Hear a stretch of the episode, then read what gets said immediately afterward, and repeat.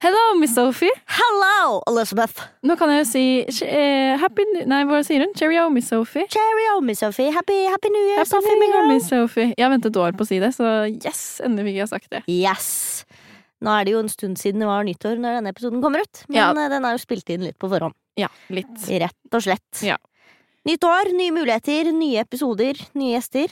Yes, og i dag har vi hatt besøk av en gjest som gjør noe annet enn, no, enn alle de andre gjestene våre, egentlig. Ja, altså, eh, hvis du googler han, så kommer det opp at han er forfatter og poet. Men han er jo Ja. også skuespiller. Ja, og hvis du går på Wikipedia, så er det dramatiker, musiker, skuespiller, poet, Ja. slampoet Ja, ikke sant? En, en eh, samtidskunstner, kan man si. Ja, virkelig. Mm. Eh, der sa du det. Og dagens gjest er Fredrik Høyer. Så ta en lytt til denne episoden. Dere kommer til å lære masse nytt. Jeg lover dere. Sykt bra fyr.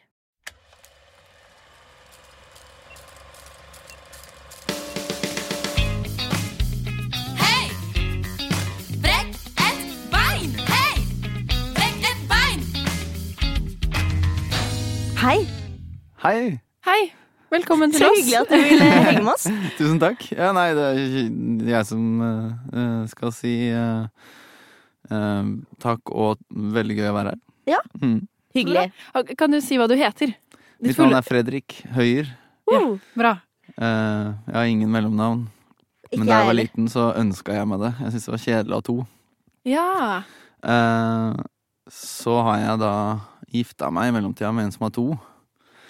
Og for å slippe å få tre, så har jeg da beholdt det ene. Og så Ja. heter hun det hun heter. Ja. Så sant? vi blanda ikke navn. Lurt. Du fikk muligheten til å få et mellomnavn, men så valgte du Det er mer komplisert enn det òg, for hun har både en onkel og en bror som heter Fredrik. Ah, oh, ja. Ikke sant? Da blir man flere som heter det samme. Ja, Ja. Det blir blir fort vanskelig. Det er litt, ja, det er allerede vanskelig. Ja. Ja. Og jula og sånn. Det er liksom Hvem Fredrik? Fredrik. eh, Hvem mente du nå? Til Fredrik. Fredrik. Ikke Eh, Så nei, for enkelhets skyld så har jeg bare beholdt uh, de to jeg har. Kult. Elisabeth har mange navn. Uh, fire. Ja. Ja, du er svensk eller noe sånt? nå? Eh, nei, nei. Men jeg er fra. Oslo vest. Da har vi fire navn. Ja. Ja, ja. Jeg har bare to. Ja. Men jeg kommer nok heller ikke Hvis jeg gifter meg, så kommer jeg heller ikke til å bytte etternavnet mitt, tror jeg. Jeg har også Nei. veldig sterkt eh, forhold til navnet mitt, så det skal mye Ja, til å det er jo liksom veldig rart å uh, bytte på én måte fordi man skal på grunn av en slags tradisjon. Så det, det hadde jeg Mhm. stor respekt for. Mm. Uh, så får vi se da hva som skjer når vi får barn. Sånn. Ja.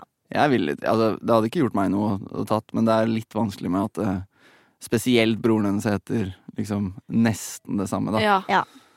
Uh, ja, hvis, jeg tar, hvis jeg tar hen, hele hennes etternavn og sletter Høyer, ja, så kommer jeg til å heter hete nøyaktig det samme som han. Ikke gjør det. Ikke gjør det, ikke gjør Ja, det høres veldig vanskelig ut. Ja. Men eh, de, jeg tipper at de fleste som hører på, har en liten anelse om hvem du er. Men eh, du kan jo fortelle hva du driver med. Hva Ja, altså, jeg driver med mye forskjellig, men uh, hovedsakelig så har jeg skrevet ganske mye, og jeg har også stått mye på scenen. mm. Um, I form av eh, teater og eh, musikk, konserter. Eh, men felles for uh, alt er vel at jeg har skrevet mine egne tekster og framført de på forskjellige måter da, i ganske mange år. Mm. Og i dag så jobber jeg vel egentlig mest som eh, artist og dramatiker, da. Skriver teatertekster. Ja. Og eh, får lov til å jobbe sammen med eh, to veldig flinke folk. En heter Bendik, og han heter Mattis. Og han ene er da en DJ, og han andre er regissør. da. Vi har hatt Mattis på besøk her, så, Mm. Oh, ja. Ja. Nettopp. Det var sånn vi kom i kontakt med deg. Ja. Så vi måtte ringe vår venn Mattis. Mm. Ok, ok, jeg skjønner. Men er du da frilanser? Det er det du er? Du er ikke ansatt noe sted, eller Nei, jeg har frilansa Ja. Og så er det liksom mm. prosjektbasert, så, så gjør du noe på Nationaltheatret, og så gjør du noe der, og så gjør du At det liksom det er prosjektene som Ja, Det er det. Kult. Og sånn har det vært uh, siden uh, 2014. Ikke sant? For vi har, vi har jo litt lyst til å spørre deg om Nei, vi må først spørre om hva som har inspirert deg. Ja. Hadde både i Har du noe eller noen som har inspirert deg til at du begynte med det du begynte med? Mm, ja um, Det var vel én sånn spesiell hendelse, da, uh, som jeg uh, kan trekke fram. var liksom da hodet mitt uh, blei sprengt. Ehm, og det var en gang eh, jeg hadde holdt på å skrive disse litt sånn rappinspirerte dikttekstene mine i noen år. Uh, og hadde det som en slags hobby, da. Uh, men de var veldig sånn korte, uh, og jeg hadde liksom aldri egentlig tenkt noe på å liksom utfordre formatet på den måten at, eh, at det skulle gjøres andre steder, eller gjøres på andre måter. Jeg bare syntes det var kult å gjøre det jeg gjorde, og jeg gjorde akkurat det. Eh, så hadde jeg en kompis som eh, spilte eh, Han var klassisk utdanna musiker som gikk på NMH da, på samme tida. Og han hadde en uh, sånn derre rabattbillett på alle uh, Oslo Konserthus sine konserter, da. Så han hadde på en måte i lomma Husker jeg han dro opp sånn en, en, en remse som så ut som han hadde kjøpt 100 lodd, liksom. Eh, med, med, doble, med doble billetter, da. Ja. Så jeg fikk lov til å være med på noe jeg ikke ante hva var. Og det var en sånn fuktig kveld, da.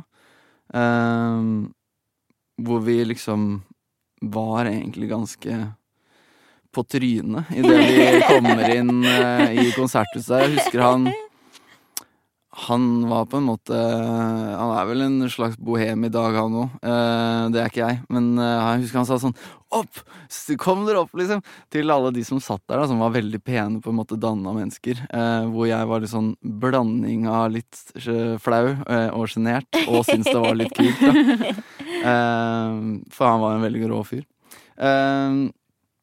Og så er vel første liksom akt Arne Norheim-stykket, eh, hvor det er veldig sånn pling-plong, og jeg sitter vel og syns det er veldig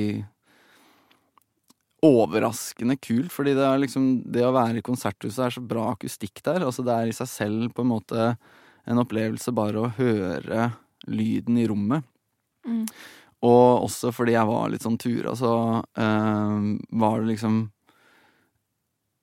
fett å høre instrumentene liksom komme sammen akustisk, og, og jeg satt og liksom hadde en litt sånn Wow, det her er jo veldig fett, egentlig.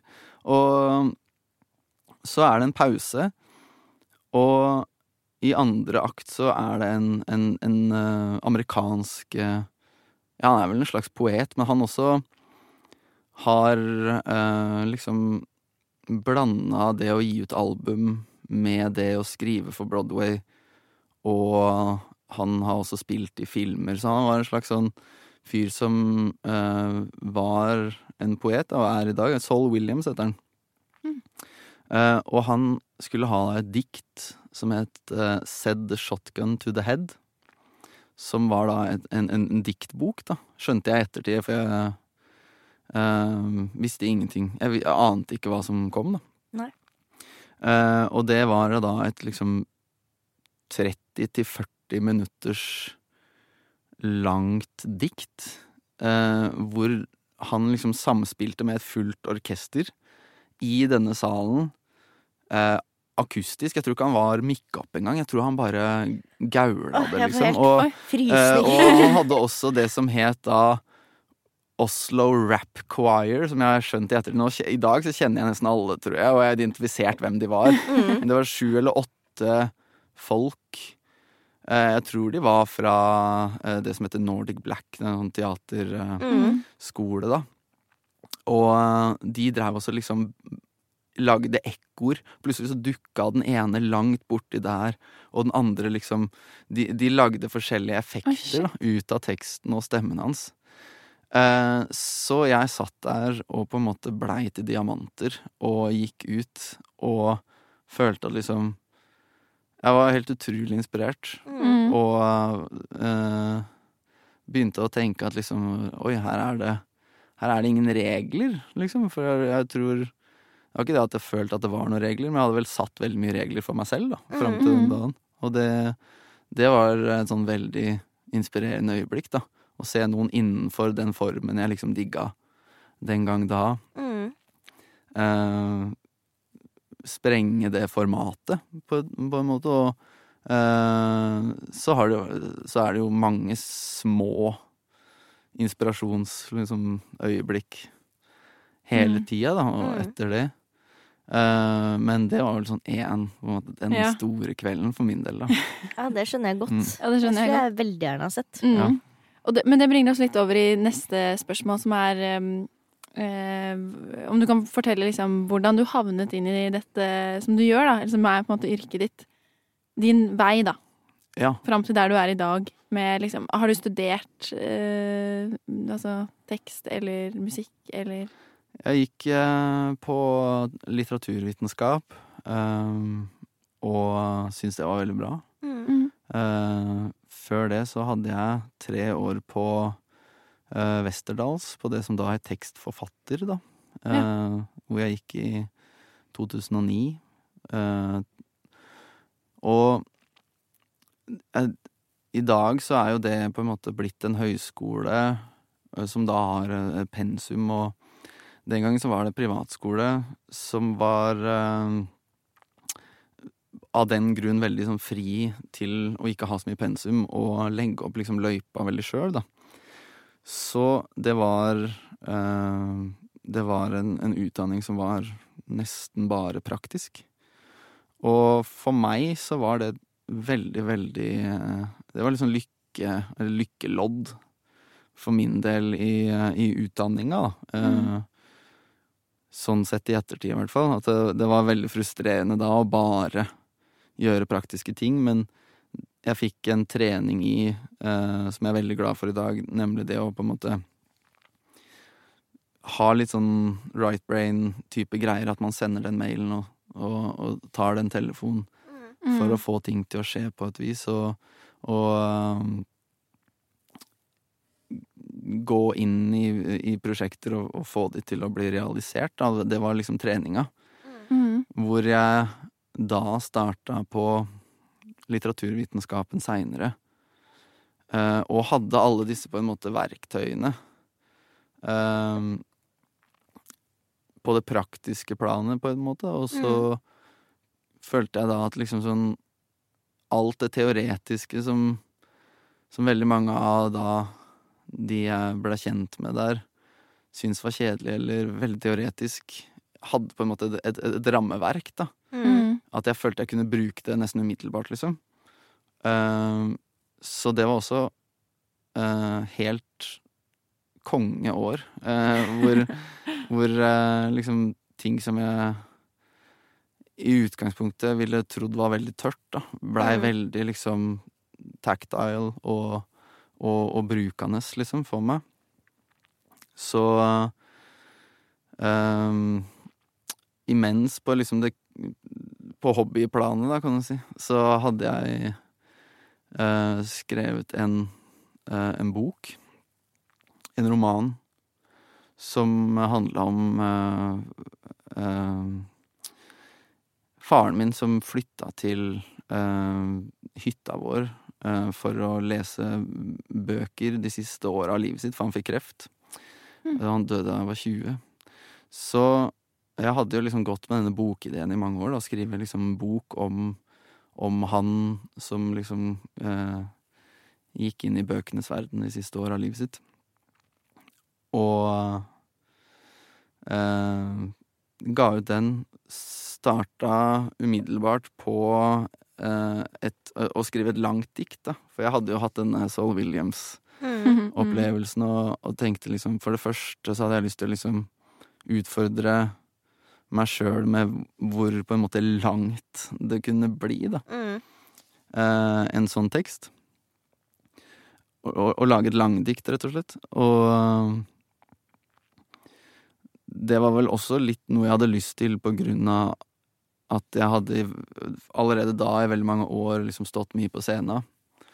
Og eh, egentlig litt sånn random blitt invitert hit og dit eh, på forskjellige litteraturarrangementer, fortellerkvelder, eh, sånne ting som det, da.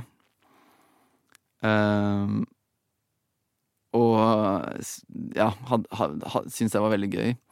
Og det var det det umiddelbare ved å stå på scenen, da, som jeg også eh, liksom savner litt i dag, liksom, når det er korona, man ikke har den sjansen mer, da. Mm.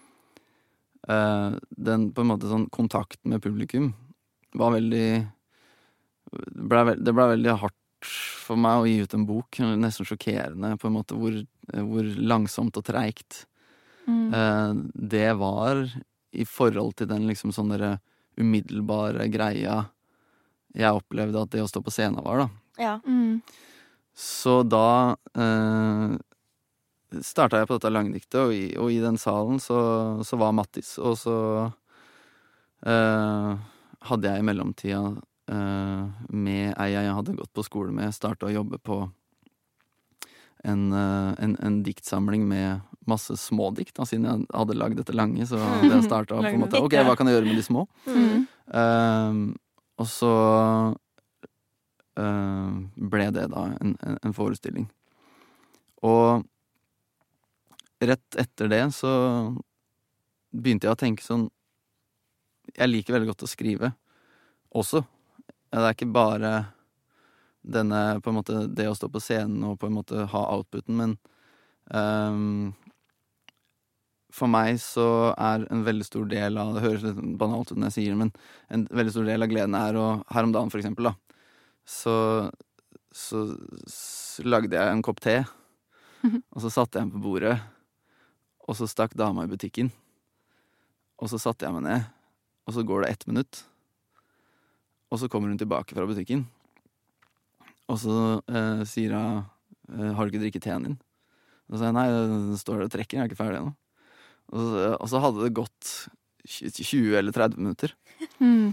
Og det eh, Det er en slags sånn derre eh, rush, da. Å liksom gå inn i en tekst, syns jeg. Det, er, det er kanskje bare meg. jeg veit ikke. Men jeg, jeg tror mange som eh, er glad i å skrive, kan identifisere seg med den på en måte skrivegleden. da. Mm. Og uh, den uh, Den hadde jeg liksom lyst til å fortsette å se hva, hva kan jeg gjøre med disse scenetekstene mine. Mm. Mm. Så da fortsatte jeg å jobbe sammen med Mattis, og det eh, har vært et veldig fantastisk samarbeid. Da. Jeg lærte kjempemye av han, for det første som skuespiller, og, eh, og ha han som regissør på de tinga jeg sjøl har spilt i, som han har vært eh, regissør på. Men, men også det å på en måte være en som gir han en tekst, og ser hvordan han tolker det. Mm. Mm. Eh, som vi har nå har gjort eh, to ganger. Da. Mm.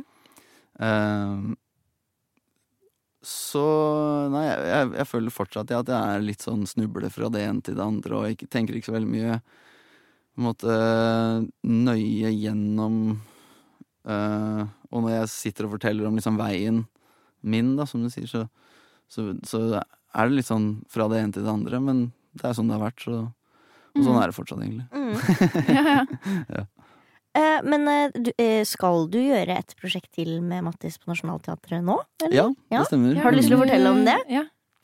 For det er jo ganske nytt Det at det er, kommer ut, i hvert fall. Ja, vi starter nå leseprøve om eh, 14 dager fra nå.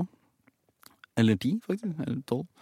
Eh, nei, det er en slags eh, måte tematisk oppfølger da, til denne Grønlandsuteraen som vi lagde. Mm. Som heter Jordopphimlesang. Som skal spilles eh, i eh, det som heter Kanonhallen, da, fordi Nationaltheatret pusser opp. Så de lager sånne satellittscener rundt omkring i byen. Så utpå Løren så er det en gammel våpenfabrikk Ja. som eh, vi eh, skal da eh, spille denne nye teksten, da, som jeg faktisk sjøl er en av skuespillerne, og så er vi seks skuespillere. Ja. Uh, og det- er det liksom samme flotte Må jeg si, jeg er veldig glad i alle folka der. Mm. Teamet da, som har vært med på de andre tingene vi har laga. Blant Mm. annet uh, Alva uh, Brosten, som heter på kostyme, og Mm. veldig flink koreograf eh, som heter Ida, og Mattis, en som heter Øyvind Wangensten på, på lys. Kompisen min Bendik Baksås på musikk.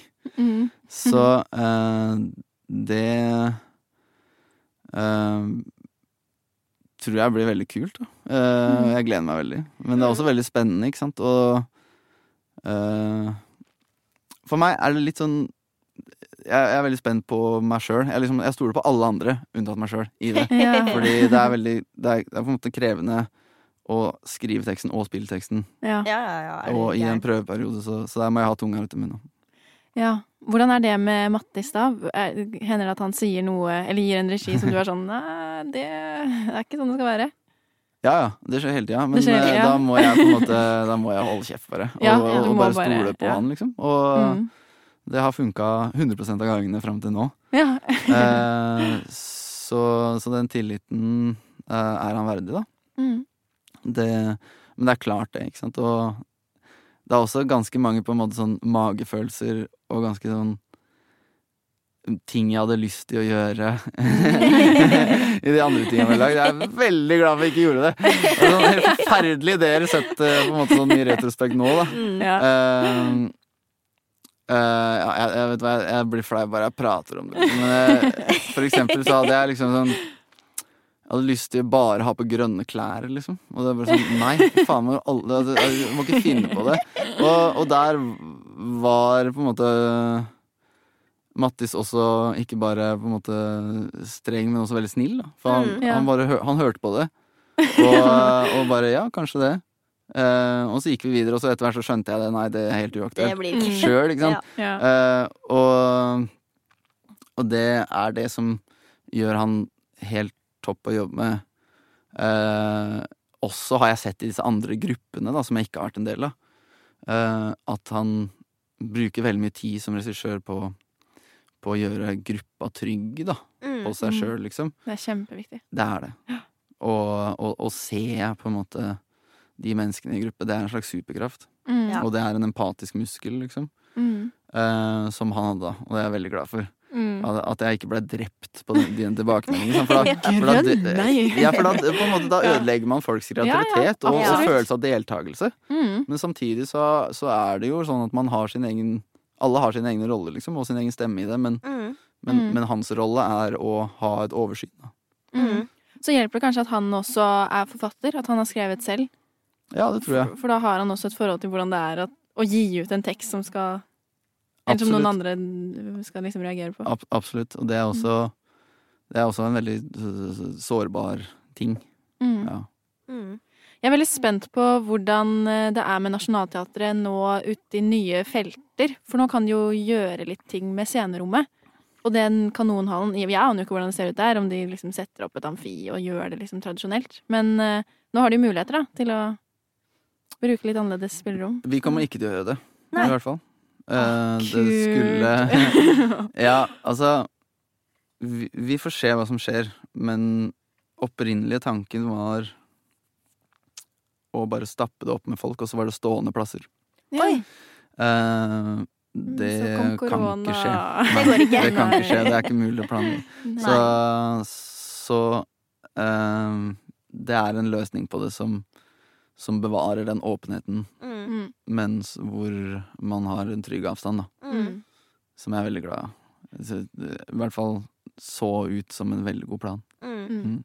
Var det, er det der det skal være rulleskøyter? Skal bli Nei. Ja, du har sett Ja. rulleskøytevideoen? Ja. sett Altså, den eh, har hatt Insta-storyen til eh, Nationaltheatret. Ja, det, det, det er mange jeg snakker med som bare ja, Er det du som er med på rulleskøytegreiene? Det, det, det, det er noen algoritmer i det det er rulleskøyte inne i bildet. Ja, ja. Som, og det er, som sprer seg mye fortere Ja. enn ellers. Uh, men det stemmer, ja. Ja. Mm. Uh, Veit ikke om det blir uh, disse rulleskøytene med fire hjul, kjent fra diskoer i Atlanta Mm. og på en måte sånne Ja. rulleskøytehaller. Men uh, det kan også bli inlines. Men at det blir rulleskøyter, det, er ganske- det tror jeg. Det lå veldig godt allerede. Kult. Ja, vi hadde et par tryningser. Jeg skal ikke si hvem som tryna. Jeg tryna, jeg òg. Uh, og uh, det var fordi jeg prøvde å sjekke meg. Ja, Eh, for ikke på en måte trodde jeg var flinkere på skøyter enn det jeg egentlig var. Ja. Men jeg tror jeg skal få inlines, heldigvis. For det, det er litt sånn enklere å bremse. Det er Ja. utrolig vanskelig, eh, for du må liksom ta tuppen av den ene foten ned i gulvet. Ja, det... Altså Inlines der bremser jo med hælen på et vis, Ja. at du Ja. løfter opp tærne. Så ikke man blir tatt imot, da. Eller stoppe inn noe. Ja. Krasje i en vegg. Også. At du tar deg imot, liksom. Ja. Ja, da er det over i sånn skal vi-stanse. ja, det er ikke så trygt. Ja. Mm. Men uh, jeg har et spørsmål. Fordi at jeg var heldig og fikk lov til å se uh, en forestilling som du har laget på det andre teatret. Ja. Som heter eh, Hva jeg snakker om når jeg snakker om løping. Ja. Eh, Så og kult. vi altså, det ja. ja. eh, Simen var eh, læreren min. Siste Simen året mitt. Ja. ja. Jeg tok siste året mitt uh, mye seinere enn alle andre, fordi Ja. jeg hadde et liv å leve. Så, men når jeg tok det, så tok Simen gruppa mi med på det andre teatret for Å, ja. å få se det rett før vi skulle ha eksamen. Oh. Og da hadde vi en samtale med deg etterpå om hvordan man lager oh, ja. en forestilling selv. Så du er, gikk i klasse med Tarjei og sånn? Ja. Det var den gruppa der? Ja. Ja. ja. ja, Den gruppa der. Eh, men det tror jeg kan være litt interessant for alle våre lyttere. Å få høre litt dine tanker rundt det å faktisk lage en forestilling selv. På den måten som du lagde den forestillingen der. Ja. Hvis du har lyst til å dele noen tanker og ideer og noen tips. Ja, altså, den eh, Dette er gøy, fordi dette spørsmålet har jeg på en måte venta på i alle år. Eh, Vær så god. fordi Yes! jeg har løpt um, utallige mil, liksom. Jeg har spilt den uh, forestillinga 100 ganger. Ja, og den skal spilles igjen nå, så jeg i stad. Uh, den skal spilles nå igjen i 2021, skal den ikke det? Uh, Veit ikke ennå helt når, Nei. Jeg mener at men det, er ja, så- det blir, eh, det Så blir for flere. dere som ikke har sett den, så kan dere få se den. Det, hadde, Og det er det skulle egentlig dø nå i høst, ja. men så um, er det en tek... Altså for det første så er jeg veldig glad i det andre teatret. Mm. Mm. Og uh, når jeg sier at uh, på, i, helt i starten, når ting var med på et slags hobbyplan for meg, så var det liksom en av de første liksom, stedene jeg opptrådte, var noe som het Andre historier, oppå, som var sånn fortellerkveld. Da, de arrangerte i den kafeen. Og liksom man kom inn der og følte man blei på en måte tatt imot, da. Det er en sånn aura eller whatever der inne som på en måte er veldig, veldig høy frekvens. Mm. Um, og han teknikeren jeg eh, har, er eh, et slags sånn geniavslag. Han er utrolig fin og jordnær fyr, men også helt skamdyktig. Uh, skuespiller og tekniker, så han på en måte er veldig lydhør, ikke sant? Og som tekniker også, så, så har han vært med på uh, veldig mye sånn impro-teknikk, ikke sant? Hvor, Ja. hvor man, man må sitte og egentlig være en skuespiller. Har vi dårlig tid, eller åssen går det? Å nei, vi har ikke dårlig tid. Ja, så Det er bare Mm. Nei, så han og jeg har det, og, og vi har med oss en til også når vi er ute og, og på sånn Den kulturelle skolesekken, da, for det Mm. har vi gjort noen runder. Og det er på en måte jævlig bra trening. Det er som å trene og få betalt for det. Eh, og ha det hyggelig med han samtidig. Så det har vært på en måte en eh, En no-brainer å si ja til. Samtidig så har jeg løpt eh, så sjukt mye, og, og måten den ble laga på, var også helt jævlig intens. Skal jeg ta historien? Ta historien. Ok. Jeg eh, spilte Grønlandsoperan på Nationaltheatret. Mats Eldøen, daglig eh, leder på den tida, og teatersjef da, oppå det andre teatret. Også en ellevill fyr, forresten. uh, jeg, eh, jeg, hadde tatt, jeg hadde sendt han det langdiktet som jeg snakka om i stad. Mm. Sånn, kanskje vi kunne satt opp noen kvelder på det andre teatret med dette diktet. Mm. For jeg syntes det var en fin tekst, liksom. Hadde lyst til at flere skulle se det. Og så sa han ja, dette her er kult, men hva annet kan du gjøre? Og da eh, ble jeg først sånn Nei, det er ikke så jævlig mye annet jeg kan gjøre. Jeg kan, bare- jeg kan dette her. Det er det her, og så leser jeg litt. Og, ja. eh, så, så kom jeg på at jo faen, jeg har jo hatt en idé eh, i noen år som handla om å løpe mens man snakker. Eh, som da kunne være en slags take, scenisk take, da.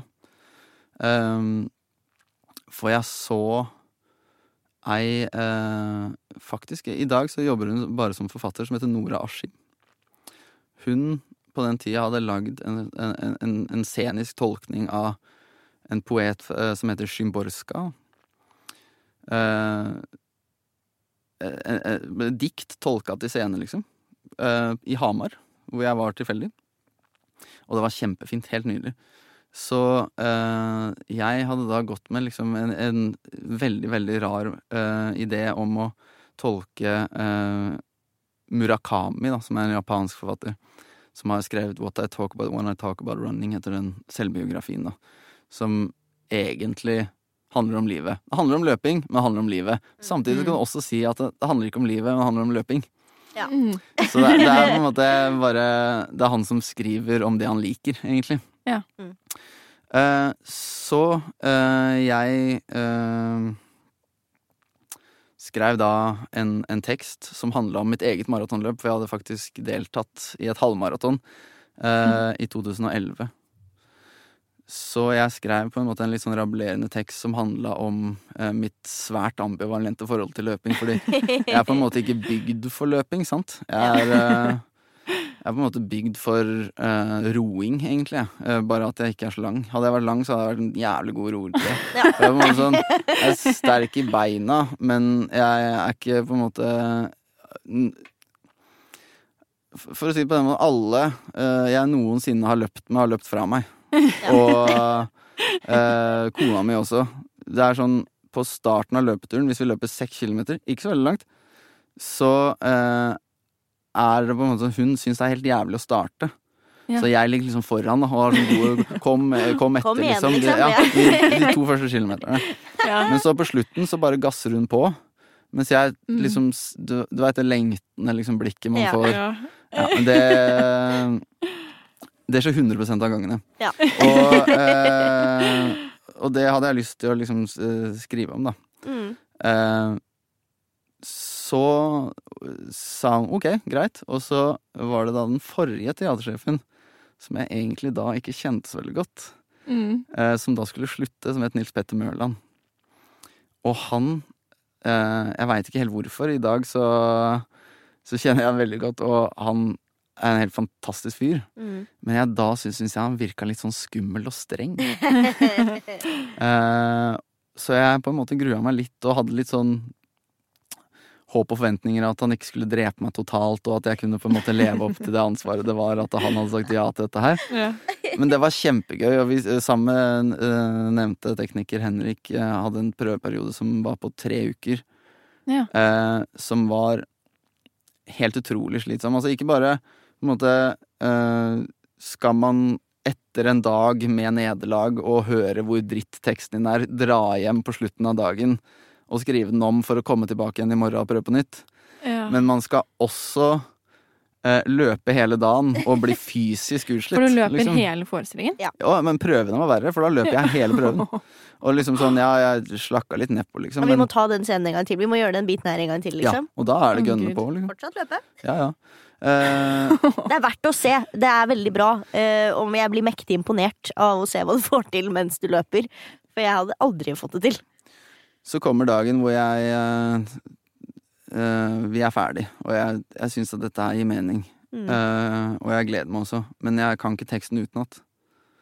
Uh, og det Kanskje litt sånn i mangel av skolering, så har jeg alltid på en måte stressa noe jævlig med, med tekstfrihet, da.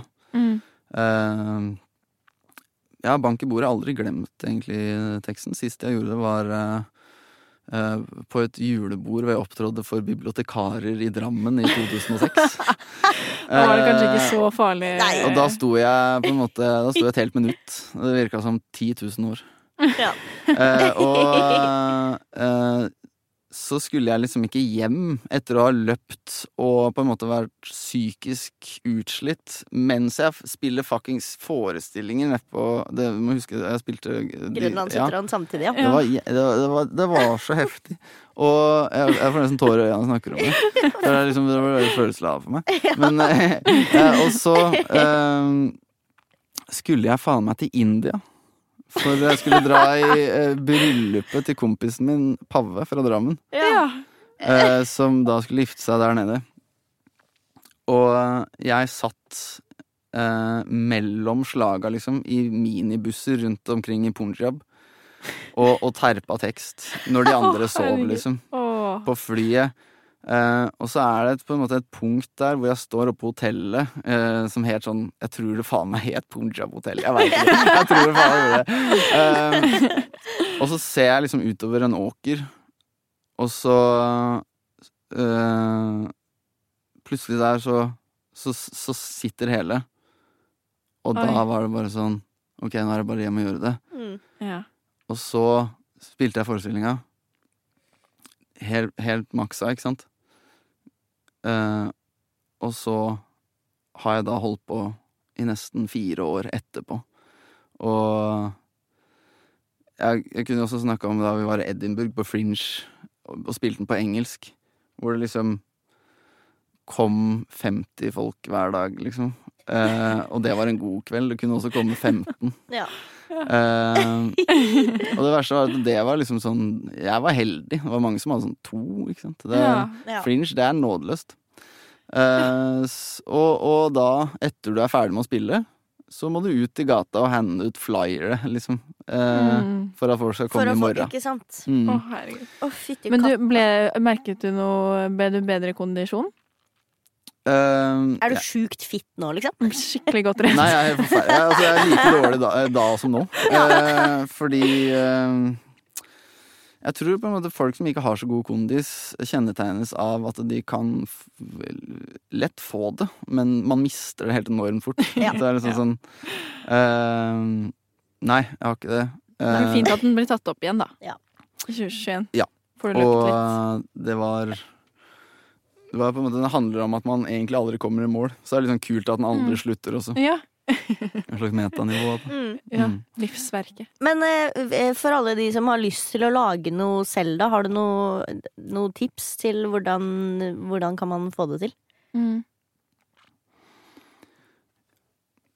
Ja, altså For det første så har du jo da en, en, en kreativ del, og du må ha eh, en På en måte den andre hjernehalvdelen av det. Som eh, begge har sine utfordringer, for meg i hvert fall. Og kameler. Som man må svelge, og på en måte eh, Steder hvor det føles ubehagelig, men så må man liksom stå litt sånn i det. Nettopp sende den mailen, eller uh, skrive det, og tørre å uh, si til folk at det de lager, er dritbra. Og at du selv kunne tenkt å jobbe med dem, liksom. Det, det er jævla skummelt. Og jeg skal ikke si at det på en måte jeg har bare tatt den jobben daglig heller, fordi jeg har hatt veldig, veldig flaks og er veldig takknemlig for mange ting som liksom dukka opp for meg, da. Litt som eh, når Mats eh, sier 'hva annet kan du', liksom. Det er jo ikke min fortjeneste, på en måte. Så det er liksom sånn jeg, En privilegert posisjon, da, sånn i forhold til det. Men um, for meg så var det det å slutte å studere og liksom ta en sånn leap of faith Mm. um, over i frilanstilværelsen. Um, det var liksom det store spranget, da. For da må du liksom da må du ta en telefon, på en måte. Eller det mm. føltes i hvert fall sånn da. Ja. Ja, jeg, man må jo det. Hvis du skal kunne få jobb og inntekt og få lov til å drive med det du har lyst til å drive med, så må man eh. Men der er du Sofie helt annerledes, fordi du ja, Jeg er jo en alien når det kommer til sånne ting. du har aldri kviet deg for noe som helst og tar de jeg lett. jeg syns ikke det der er noe problem. Jeg kan ringe til uh, nye teatersjefen på Nationaltheatret nå Ja, og si det- hei, hei. Men jeg syns det, det, synes det er verre. Er, da er det, en veldig god egenskap du har. Mm. Ja, for, eh, Så jeg er veldig klar for det. Jeg gjør det med glede. ja, men det syns jeg er, eh, det er vanskelig Mm. å, gjøre, å ta den telefonen til han. mm, Jeg føler at da må jeg vise til noe, eller jeg må på en måte ha gjort noe som gjør at eh, Som kan rettferdiggjøre at jeg tar den kontakten, på en Ja. måte. Ja. Eh, men nå har jeg jo etter et vennskap med Sofie har jeg jo skjønt at her er det bare å gønne på. Og det å virkelig liksom kjenne sånn Men jeg Ok, men jeg er jo faktisk ganske god. Så jeg kan jo bare sende den mailen. Eller jeg kan jo bare ringe. hvis du har laga noe selv, så tenker Mm. jeg sånn da, ha, ha tro på det som du på en måte har laget og kommet fram med selv. Og tro på det så mye at du faktisk kan selge inn og si at men dette er skikkelig bra. Dette er kjempebra, og Mm. dere burde ta det. Og hvis dere ikke tar det, så er det egentlig litt synd for dere. Mm. Fordi at her, her får dere en kjempemulighet, liksom. En dritfin tekst eller kjempebra konsept, kjempefin idé. Dere har masse å på en måte hente, Mm. tenker jeg, da. Helt enig med deg eh, der, altså. Og hvis man ikke sjøl har trua på det, hvorfor skal de ha det også, på, på et vis? Og eh, der er det jo også Der peker du også på en liksom sannhet ved både det å spille skuespill med noen andres tekster òg, men også det å skrive selv. Mm. Og spesielt når det er snakk om litteratur, da, mener jeg. Det å, å, å skrive et dikt og gi det til noen, er nettopp det å gi, da. Mm. Og da gir du på en måte fra hjertet, og det er en ærlig sak. Og der øh, mener jeg også at det rettferdiggjør at man kan stå innenfor at øh, jeg vil gi dette til Mm. de der ute, da. Mm. Fordi jeg vil, jeg vil at de skal føle seg bra, være glad, lære noe. eh, sette lys på øh, Altså hva enn på en måte slags sånn grunner man kan lage, men bunnlinja er at du gir, da. Mm. Mm. Men hvordan er en skriveprosess for deg? Eh, nå, eller du sa at det går veldig fort, at du kommer inn i sånn rush. Men begynner det med at du får en idé, og så setter du deg ned med et dokument og begynner å skrive? Eller går du mer teknisk inn i det? Gir du deg selv skriveoppgave, liksom? Eller hvordan, hvordan funker det for deg?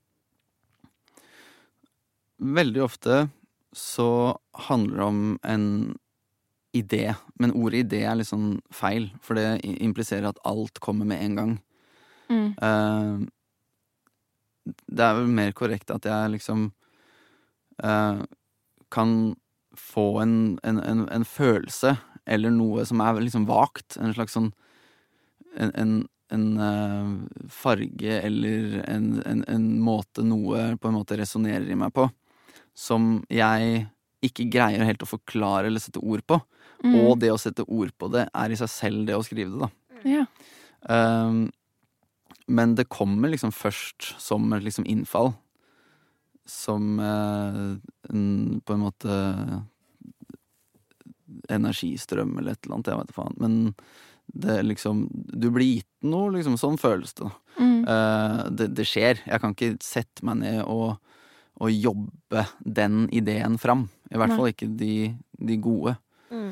Ehm, så det er også det å være mottagelig, da. Så jeg har alltid på en måte Jeg har alltid med meg mobilen eller en, en skrivebok. Mm. Eh, for, og, og det kan være små ting òg. Så eh, når det er sagt, så er det også det at eh, det må jobbes fram, da. Og det er, det er, det er jobb. Mm. Ikke det at det trenger å føles tungt. Det kan være lett som å sitte og eh, plutselig så har det flydd en halvtime. Men eh, det, det skal gjøres. Det gjøres seg ikke sjøl. Det er ikke eh, Det er ikke på en måte øyeblikkelig lett, eller sånn Å ja, der var den ferdig. Liksom, det Mm. aldri skjedd at på en måte noe har bare sånn pung, ok, nå har jeg det, og så går jeg hjem, og så, har, eh, så tar det nesten ikke noe tid. Det, er, Mm. det skal jobbes fram. Mm. Og den jobbedelen av det er også en, en uh, nødvendig del av den prosessen, da. Mm.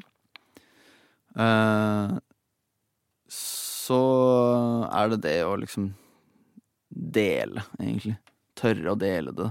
Mm. Mm. Og der eh, Der er det også Det, det er like på en måte Det er den an- de andre kamelene, kan du si, da, så, sånn som jeg ser på det. At det, det er liksom det, det, det Kanskje ikke for deg, Sofie, men det, det, det koster mange å ta den telefonen. Ja, ja, ja. Men uh, for eh, veldig mange andre også, uh, meg sjøl inkludert, så koster det også å eh, lese opp den teksten.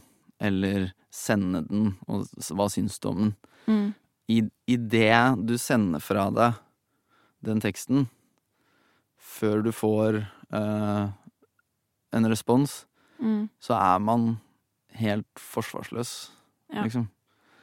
Og der verna jeg meg sjøl i mange år, tror jeg. Ved å bare ikke gjøre det. Mm. Og, og la ting ligge i skuffen, eller forbli på et idéstadie. Mm.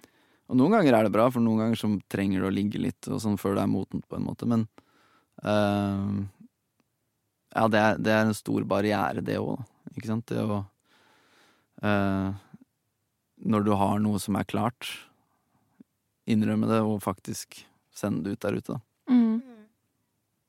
Veldig godt, eh, det er et veldig godt tips, egentlig. Mm. Mm. Før vi runder av, så har jeg et siste spørsmål. Det kan hende det er litt vanskelig å svare på. Eh, jeg syns det er dritvanskelig å svare på. eh, og jeg vet at Elisabeth også mest sannsynlig syns det er dritvanskelig å svare på. Men du skriver jo mye teater for liksom samfunnet i dag. Hva er det du føler er viktig med liksom teater i dagens samfunn? Hva er det viktig å formidle på teatret i dag?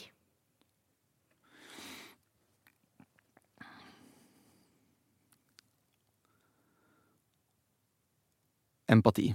Mhm. det, eh, det møtet som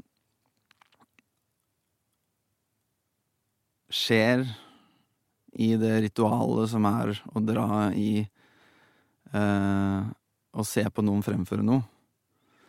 Nettopp se dem på en måte levere fra seg det å være forsvarsløse. Det å eh, gi fra scenen også innebærer at man på en måte er nødt til å utvide sin egen verden lite grann. Eh, Det er veldig tydelig teater, altså.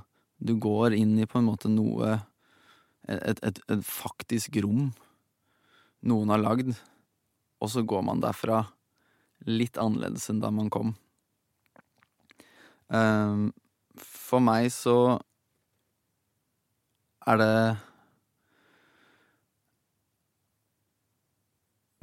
altså, helt utrolig viktig uh, følelse. Jeg er ikke desillusjonert på vegne av teater, og det, og det tror jeg man har på en måte sett i praksis, opplevd på kroppen nå etter en periode uten det, da. At eh, det behovet for å ikke bare møtes som en menighet og være sammen, men også på en måte ta imot det som skjer, og la det forandre deg lite grann, eh, er noe som trener den der empatiske muskelen, da. Og da får man et mer hjertevarmt, forståelsesbasert samfunn. Det tror jeg på. Mm. Jeg sier ikke at det jeg lager, eller måten jeg lager det på, er det, er, er, er det som skjer. Nei. Men ehm, teater eh, Egentlig alle kunstuttrykk, kan du sikkert si. En sang også. Mm. Og, og også spesielt litteratur. ehm, gjør at det, vi utvider oss lite grann. Vi setter oss inn i åssen det er å være noen andre. Og der får vi en, en, en større forståelse for hva det sier å være i verden, annet enn å gå rundt og være meg selv. Mm. Uh, og jeg tror det er det på en måte samfunnet trenger, da. Det er min påstand. Mer compassion, som det heter på engelsk. Altså den dype forståelsen for hvordan det er å være et annet menneske. Mm. Det er eh, kanskje litt høytsvevende, men det er, det, er, det er virkelig noe jeg tror på. Nei, jeg syns det var veldig godt, eh, veldig godt sagt. Veldig Mm. godt uh, ordlagt. Ja, det Der har man noe å tenke på. Mm. Ja, ja, så så jeg, jeg gleder meg veldig til alt åpner igjen, og vi skal på en måte rei- Ja. se Det er alt. sykt mye teater! Ja, vi skal, og konserter, og vi skal Ja. ha det så hyggelig. Mm. Kose oss masse. Ja. Mm. Vi må avslutte. Har du noen tips til våre kjære lyttere og oss som skal ut i den store, skumle bransjen om fire knappe måneder? Ja. Oss, da. Ja, det er oss to. ja. Åssen tips tenker du på da? Tips eller råd tips, til, råd. til spirer, eh, kunstnerspirer, holdt jeg på å si. Som har lyst til å drive med dette her. Ja, altså Lytt. ja, det er det jeg prøver å gjøre. Mm. Det er det jeg prøver å gjøre, i hvert fall. Jeg, jeg, jeg føler ikke egentlig jeg er i posisjon hvor jeg kan komme med noe eh, veldig bra tips, annet enn at liksom eh, Når jeg hører noe eller ser på noe, så kan du også velge å liksom stenge Mm. deg ute fra det. Og, og ikke la deg forandre, da. Og det, for det krever lite grann. Og det, det er det jeg jobber med sjøl, i hvert fall. Det er tipset jeg prøver å gi til meg sjøl. Mm. utover det så er det jo det å uh, ha det gøy, da. Det er jo gøy. Mm. Det er jo, hvis det ikke var gøy, så hadde jeg ikke giddet å drive med det. Mm. Så det er vel de, de tipsa jeg har. Mm. Men det er veldig bra. Du har gitt masse tips i episoden også. Ja, Ja, så hyggelig dere. jeg har så mye å ta her at Ja, det ja, ja, ja. hjelpes. Jeg føler meg skikkelig inspirert nå, jeg. Ja. Det er sånn rett hjem og skrive. Rett hjem og sette seg ned og begynne å skrive. Ja. Ta alle telefonene og sende alle mailene. Jeg må tilbake i studiet sjøl, så jeg glemte mobilen min. så Ja, det er sant. ja. Stemmer. Tusen, tusen takk for at du kom. Ja, I like måte. Jeg skal takke tusen takk. Mm.